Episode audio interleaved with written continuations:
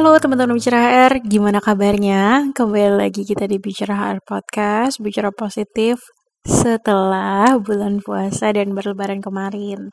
Um, by the way, mohon maaf lahir batin untuk kita semua. Terima kasih banget untuk uh, followers setianya Bicara HR yang tetap selalu stay di Instagram, web kita, uh, podcast kita. Semoga kita semua diberikan kesehatan, uh, umur yang panjang supaya bisa ketemu di lebaran selanjutnya. Oke, okay. eh by the way, hmm, kali ini kita mau ngebahas apa ya? Ngebahas sesuatu yang biasanya marak banget dibahas sebelum lebaran dan setelah lebaran. Apa sih? Itu adalah ngebahas proses resign sebenarnya.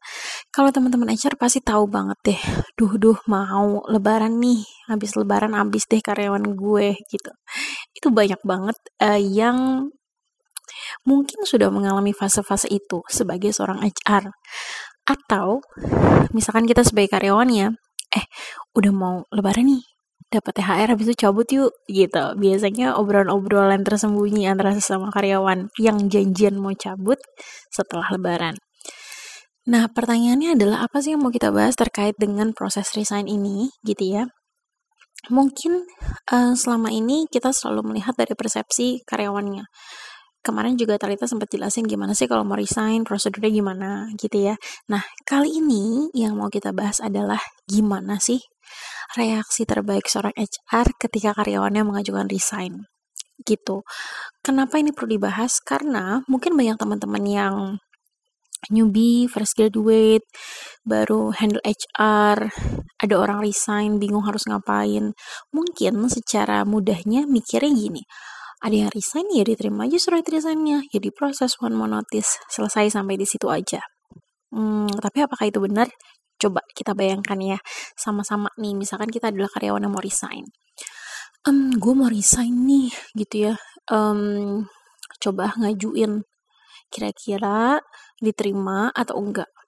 Nah, sampai di titik ini dulu, kita sebagai pengaju resign itu biasanya banyak banget pikiran yang bercampur-campur. Tujuan resignnya karena apa? Hanya untuk gertak sambal aja. Maksudnya gertak sambal tuh di sini kayak gini loh. Um, ya mungkin banyak yang ngerasain kayak gini sih atau udah ngelakuin. Coba diinget-inget lagi. Pernah nggak di satu titik yang di mana kita ngerasa gini, duh udah lama nih kerja di sini gaji nggak naik-naik, uh, udah lama nih kerja di sini, tapi kok nggak promosi-promosi? Coba deh, coba ngajuin resign. Siapa tahu gara-gara ngajuin resign tiba-tiba dinaikin gajinya, terus nggak jadi resign. Pernah nggak mikir kayak gitu? Ayo, coba ngaku bagi karyawan ya. Kita HR ini sebagai karyawan juga nih, karena kan HR juga karyawan ya.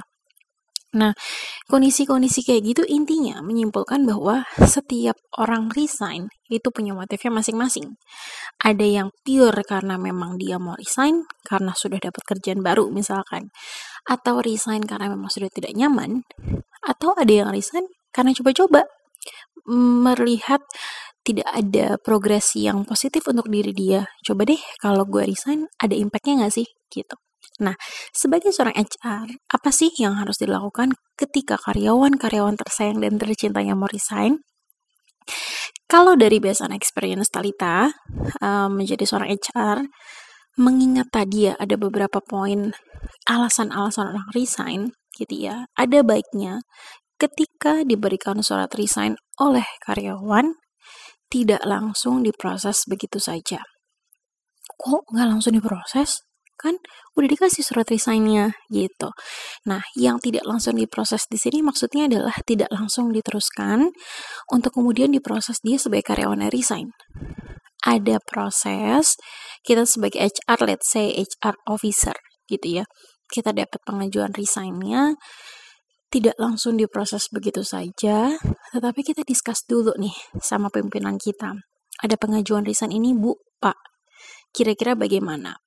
Karena pada dasarnya ada orang-orang tertentu yang kalau dia resign, dalam waktu tertentu perusahaan itu akan kesulitan untuk mengerjakan suatu proyek. Misalkan gitu ya, ini untuk pertimbangan pertama. Atau kalau dia resign, uh, pimpinan kerjanya ini gimana ya, sangat terpukul karena uh, orang ini tuh bisa diandalkan banget gitu. Nah, fungsi dari HR tadi adalah mendeteksi dulu nih di awal dengan diskusi dengan pimpinan. Biasanya pimpinan um, kita gitu ya, atau kamu sebagai pimpinan itu akan discuss dengan usernya atau atasan langsungnya menanyakan dulu. Ini benar nggak nih ada proses resign ini dikomunikasikan dulu karena apa uh, reasonnya apa karena kan kalau di surat resign rata-rata format normatif ya uh, formatnya sama tidak ada yang menuliskan resign karena let's say berantem sama atasan gak ada yang menulis resign karena gak dipromosi-promosi selama tiga tahun gitu itu itu normatif banget nah HR itu ada baiknya memang mencari tahu dulu nih. Kita tuh kayak detektif gitu, mencari tahu sebenarnya apa yang terjadi dan permasalahan apa yang membuat orang ini resign. Kalau memang sudah jelas karena apa, itu bisa dipastikan kembali ke pimpinan langsungnya apakah proses resign ini mau dilaksanakan atau mau coba kita ajak ngobrol untuk negosiasi. Kalau memang ternyata dinegosiasikan, berarti HR dengan pimpinan langsungnya bisa ngobrol bareng dengan yang mengajukan resign. Jadi seperti mencari win-win solutionnya seperti apa. Kalau win-win solution ini dapat adalah tetap resign, ya udah dilanjutkan sesuai dengan prosesnya saja, tetap dilakukan proses resign. Tapi kalau ternyata jadinya tidak resign, ya dilakukanlah poin-poin yang membuat karyawan tersebut tidak jadi resign. Intinya sih gini ya teman-teman, kalau misalkan ada proses resign, um, semestinya adalah ya diproses. Tapi kan setiap perusahaan punya culture-nya masing-masing.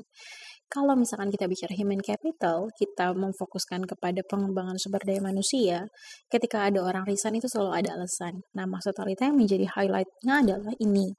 Kalau memang ada orang yang resign, seorang HR itu harus punya curiosity atau rasa penasaran, bukan kepo ya, tapi kayak menjawab permasalahan dulu, kenapa ya dia resign kalau memang ternyata resignnya karena memang sudah dapat yang baru ya selayaknya melepaskan uh, apa ya melepaskan um, seseorang untuk mendapatkan yang lebih baik gitu. Ya kita harus ikhlas. Meskipun berat ya. Kalau memang karyawan tersebut karyawan yang sangat diandalkan let's say seperti itu. Tapi kalau misalkan um, alasannya terlihat abu-abu, seperti ada masalah subjectivity, masalah konflik internal dan lain-lain, nah uh, Talita rasa fungsi HR harus datang di keadaan seperti ini supaya turnover itu terjaga karena kalau misalkan kita setiap karyawan resign nih ah udah biarin aja resign dia udah nggak pengen di sini sok atau keluar misalkan gitu. Turnover itu pasti tinggi sekali karena tidak ada gawang yang menjaga seseorang untuk keluar gitu ya. Ibaratnya ini kalau di pintu mall gitu ya uh, exit areanya tuh gede banget tanpa ada penjagaan. Ya Iya banyak banget orang yang keluar dari situ gitu. Gimana ya ngejelasinnya? Kayak ya nggak ada controlling dan dan penjagaan aja gitu. Bukan berarti kita marah orang untuk tidak keluar dari perusahaan kita, karena kan ini tentang pilihan ya, opsi orang itu mau stay atau tidak. Tapi kalau kita bisa memanage karyawan kita dengan sebaik-baiknya, mencari win-win solution, mengetahui masalahnya apa, dan memberikan apa ya solusi yang solutif gitu ya untuk mereka, hmm, harusnya orang-orang yang tadinya mau resign ini bisa berpikir untuk tidak menjadi resign gitu. Karena ya mau tidak mau, let's say orang yang kerjanya cukup lama, hatinya tuh sudah untuk perusahaan. Tetapi mungkin ada satu kecewa dan dua kecewa yang membuat dia tuh memilih untuk, ah udahlah cari yang lain aja. Nah gitu, better ya sebagai seorang HR, mencari tahu dulu nih dia kenapa, kemudian mencoba mencari solusi. Kalau memang tidak bisa diselesaikan, harus resign ya sudah minimal dari HR sudah punya awareness untuk menjaga karyawannya eksis tetap ada di perusahaan kita gitu dan menjaga dan mengkontrol ya uh, proses turnover yang ada di perusahaan. Kurang lebih gitu sih teman-teman. Jadi ingat ya kalau ada karyawan baru di bidang HR atau kamu newbie gitu ya, pastikan tahu dulu nih critical point critical point di posisi kamu apa saja. Let's say misalkan di HR salah satunya adalah pengajuan resign karyawan kamu um, diskusi banyak dengan pimpinan, dengan rekan kerja yang tahu persis prosesnya, supaya kamu juga harus mengetahui apa aja sih yang perlu dilakukan seorang HR untuk menangani orang-orang yang mau resign. Even ada SOP atau hmm, working instruction misalkan, tapi sebagai seorang pelaksana, kamu pun juga harus banyak jam terbang karena menghandle orang yang mau resign, mengkomunikasikan sesuatu itu gak mudah tapi juga nggak susah. Harus ada tekniknya. Ibaratnya nih orang nih hatinya udah nggak penuh lagi di kita nih. Nah kita mau penuhin lagi gimana? Atau kalau memang udah nggak mau ya ya udah tapi pisahlah dengan baik-baik gitu.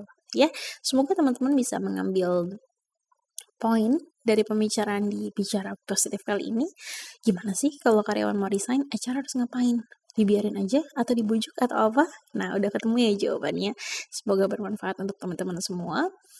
Um, gak bosan-bosan ternyata ingetin kalau memang ada request materi apa yang mau dibahas boleh banget uh, eh, DM di Instagram bicara HR at bicara HR mau main di web kita juga boleh di uh, www.bicarahr.id atau mau dengerin podcast kita selalu bisa di um, Spotify dan di platform untuk podcast lainnya bisa lihat di Instagram kita secara lengkap. Thank you untuk mendengarkan. Sehat semua untuk kita. Bye. Assalamualaikum warahmatullahi wabarakatuh.